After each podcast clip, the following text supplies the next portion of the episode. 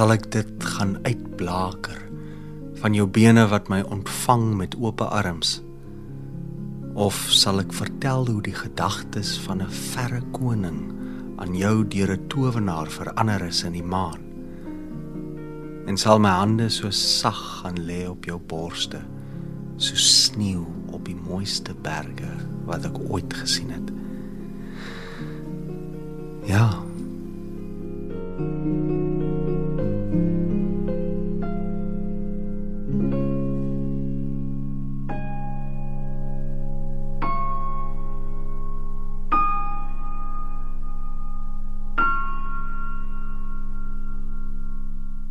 Goeienaand en baie welkom by Vers en Klank. Dit was die stem van Gideon Lombard en 'n gedig oorspronklik uit die pen van die Vlaamse digter Herman de Koning, vertaal deur Daniel Hugo. Ek het verlede jaar, ek dink in September, 'n program gemaak waarin Gideon Lombard van sy gunsteling gedigte kom voorlees het, wat die ritme van sy dae met die inperking saam begelei.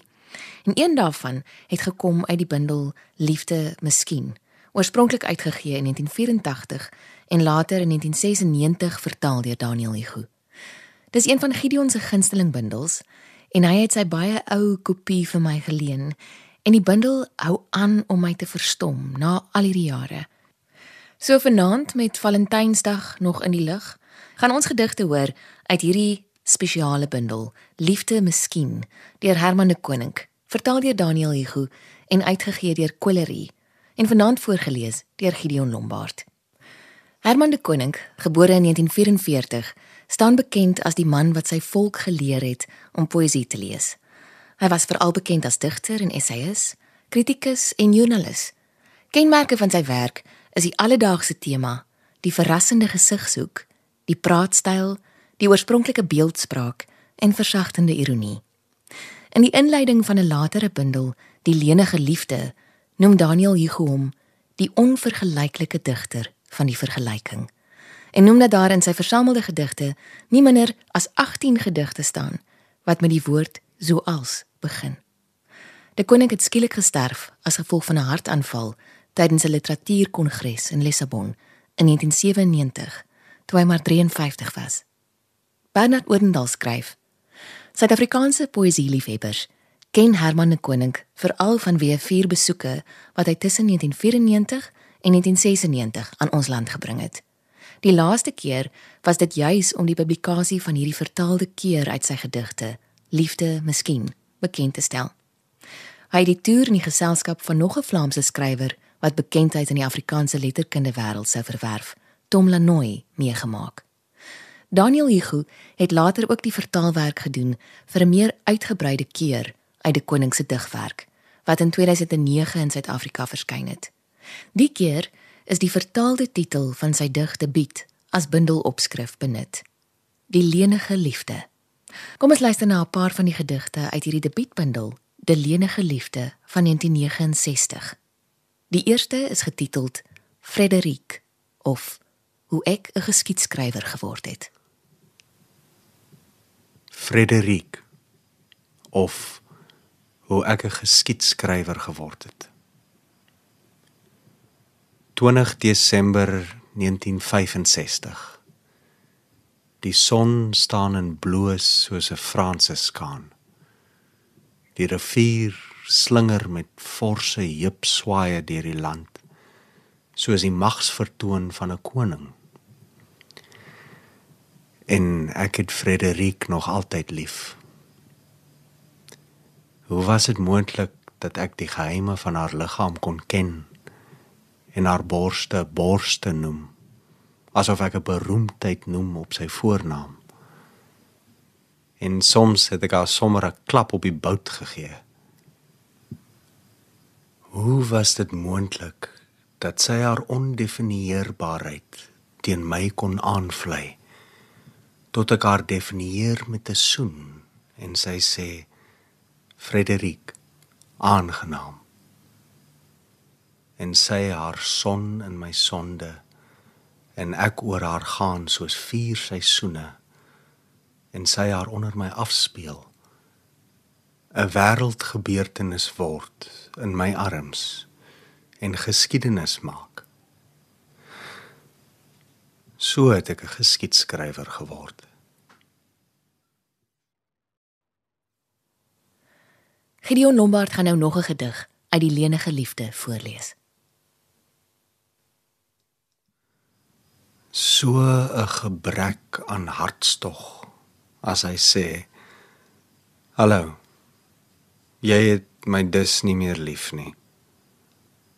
En sy besig om 'n toebroodjie hap weg te werk. Nee.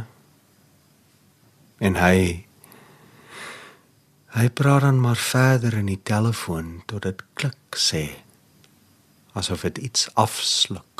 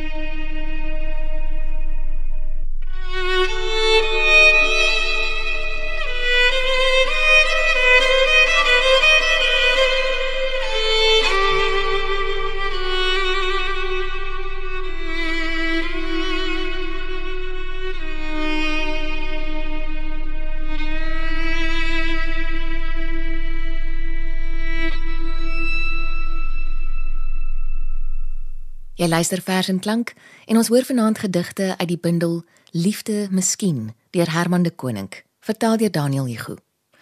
Bernard Oudendal skryf: "De Koning is ongetwyfeld die mees geleesde digter in die geskiedenis van die Vlaamse letterkunde. Dit nadat sy werk aanvanklik herhaaldelik deur tydskrifte en uitgewers afgewys was. Sy aansien as rubriekskrywer en essayist blyk uit die feit dat sy journalistieke skryfwerk oorwegend met die lees en skryf van digkuns gemoeid, in sewe bundels versamel is. Hy was voorts die neerpenner van sowat 15000 dikwels boeiende briewe van literêre belang. Geen wonder nie dat hy beskryf word as die man wat sy volk poësie leer lees het.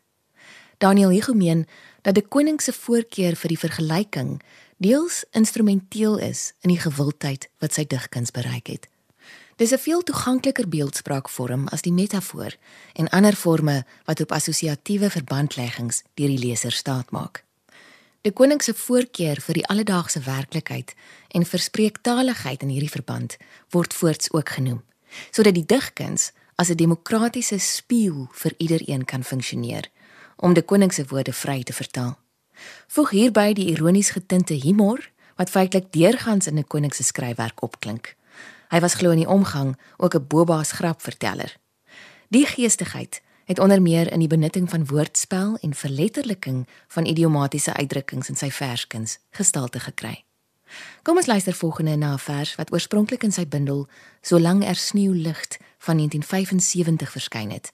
De koning noem dit oor drie soorte van lag. Guggel is iets wat jy nooit regtig doen nie altyd amper. Ten minste as jy 'n meisie is van wie niemand weet of sy agter haar hand die woorde hihi opeet nie of maar net 'n koekie. Giggel doen jy as jy 17 is en amper moet lag oor wat byna gesê is. Skaterlag daarenteen is drie lettergrepe soos dokwerkers wat mekaar dawerend op die skouer slaan Skaterlag is die proletariaat van die lag. Ek droom van 'n revolusie wat alles sal wegskater. Dan sal daar nie meer gelag word nie. Skryf ek op 30. En glimlag is helaas wat jy op jou 50ste vermoedelik daaroor doen. Die volgende gedig wat Gideon gaan voorlees uit dieselfde bundel is getiteld Poesie. As jy nikkerig inkruip onder die komberse, wil jy eintlik sê kom lê by my. As jy die deur agter jou toeslaan en wegstorm, wil jy eintlik sê kom agter my aan. En as jy sê ek het jou lief. Bedoel jy het jy my lief?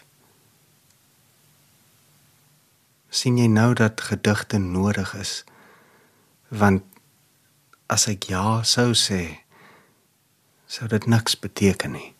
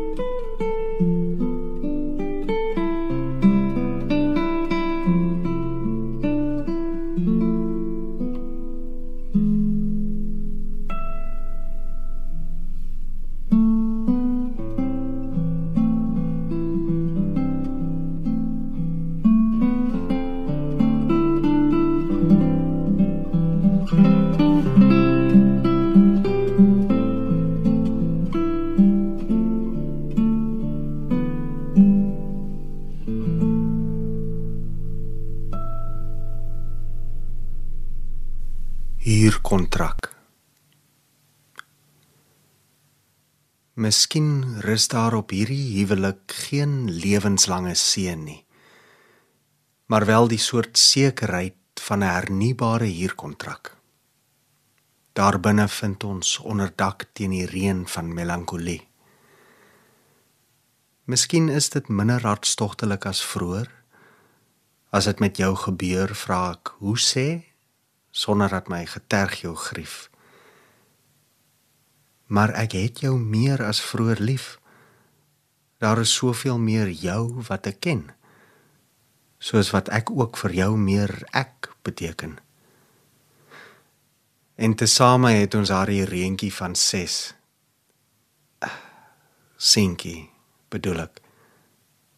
Maar die skryffout kan bly staan. Dikwels kan ek nie slaap nie van dink daaraan. En dan dink ek 'n regte klein gesin. En ek tas na jou hand. En jy slaap ewe min. Dit was dan die gedig Hier kontrak deur Herman de Koning, vertaal deur Daniel Hugo in die bundel Liefde Miskien. Dit het oorspronklik verskyn in die bundel met een klank van hobo van 1980. Die volgende gedig uit hierdie bundel is getiteld 3327. Ja, ja, die titel sê dit. Eintlik verskil ons 6 jaar. Ek is nog so oud en jy is al so jonk. En dan jou lighartigheid dra ek soms swaar.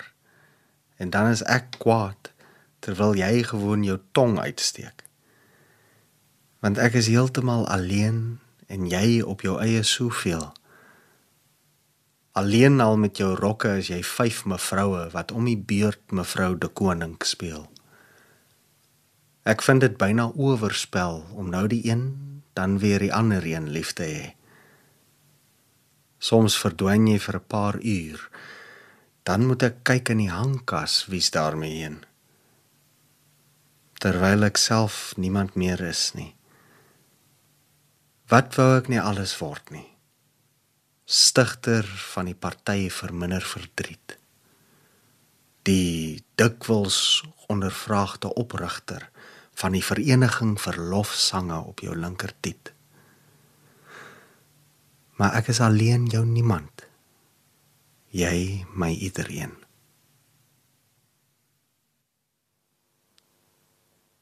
Die volgende gedig wat Gideon gaan voorlees, is getiteld 35. En dis ook toevallig hoe oud Gideon is. Heeltemal gelukkig wees is onmoontlik. Gister nog droom ek dat ek woon in 'n kasarm van 'n huis met 'n luksieuse vrou. Toe ek wakker word, blyk dit nog waar te wees ook. Maar ek het wel tandpyn gehad. Daarteenoor is heeltemal ongelukkig wees ewe onmoontlik. Jy kan maar met een Rolls-Royce te gelyk ry, het John Lennon al gesê. Maar jy kan normaalweg ook maar een vrou te gelyk verloor. Jou byvoorbeeld. 'n Gelukkige einde kom nie voor nie. Ek leef nou al 35 jaar, maar alles gaan hul gang. En as ek 'n keer vry, is daar niemand wat die beeld bevries nie en the end daarop projekteer. Alles is voorlopig. Selfs as ek sterf, sal jy wel sien dat ek nie genoeg asem oor het vir my laaste woorde nie. Über allen Gipfeln ist Ruhe. Sodat almal met my voorlaaste tevrede sal moet wees. Marie, gee my die bedpan asseblief.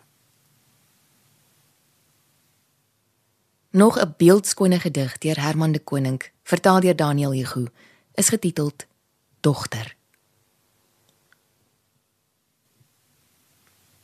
Ek loop 'n dogtertjie op my arm en sus totdat sy rustig asemhaal. Net so loop ek rond met my gevoel vir haar tot ek daar 'n beeld van het op klein skaal. Een wat so minuskiel te voorskyn kom uit 'n hele voorraad taal. Soos wat ek 'n klein handjie deur die lang tonnel van 'n mou te voorskyn haal.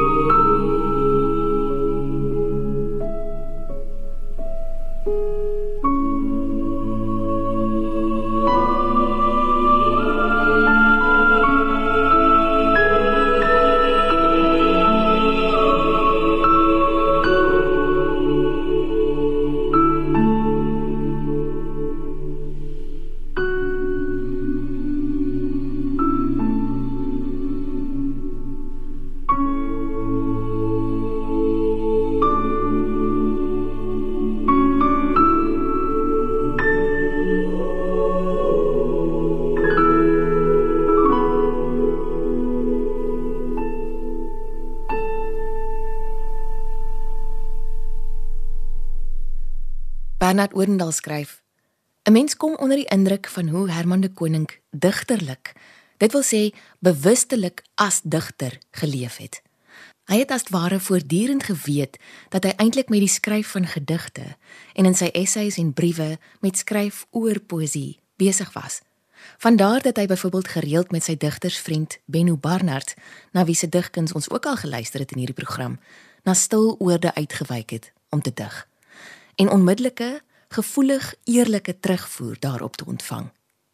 In die skeiding tussen gedig en werklikheid, so skryf Oudendal, het die koning kwaliek geglo.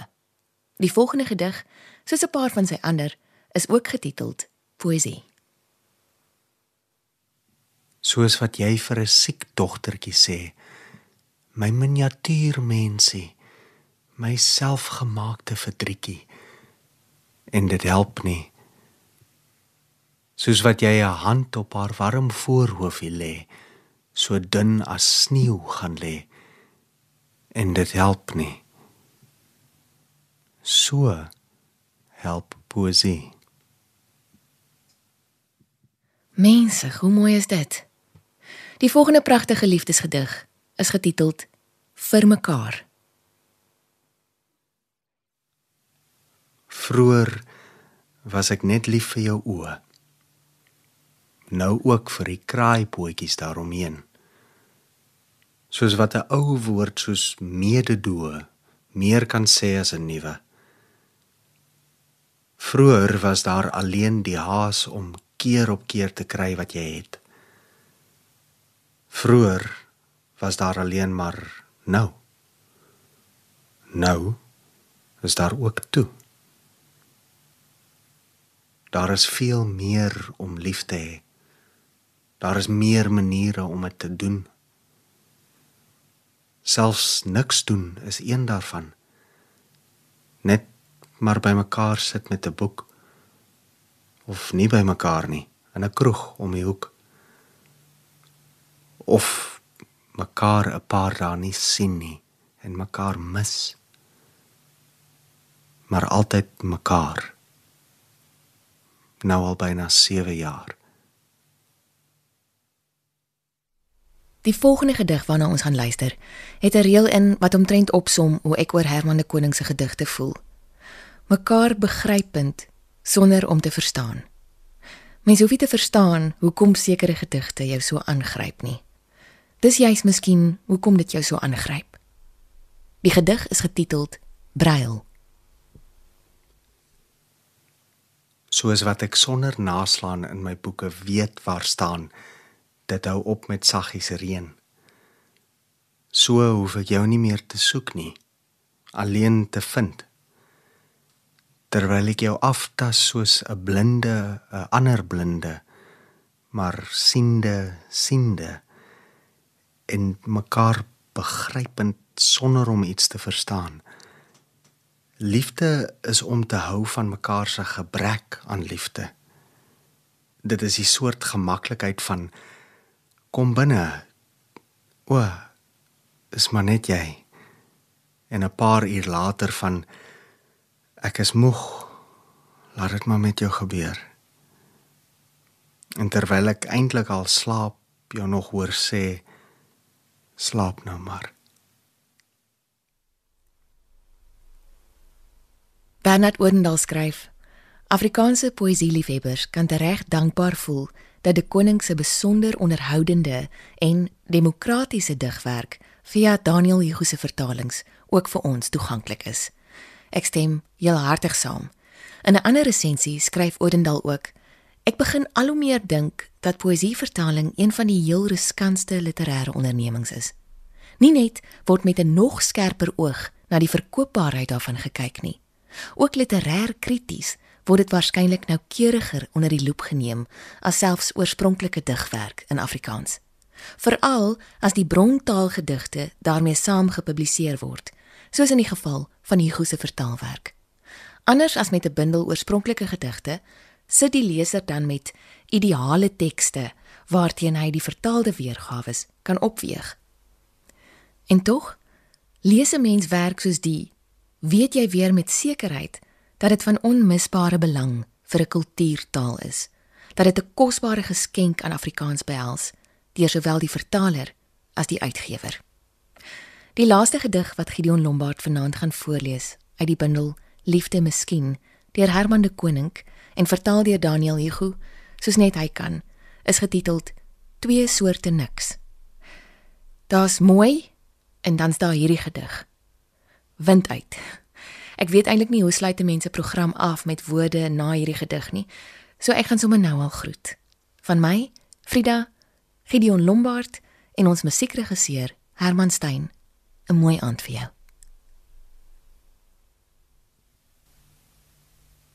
Luxe is die verskil tussen in 'n motorry sonder radio en in 'n motorry met 'n radio wat afgeskakel is. Stilte is die verskil tussen niks sê nie en alles al gesê het. Tussen gewone stilte en die stilte na die laaste reël van 'n gedig oor die stilte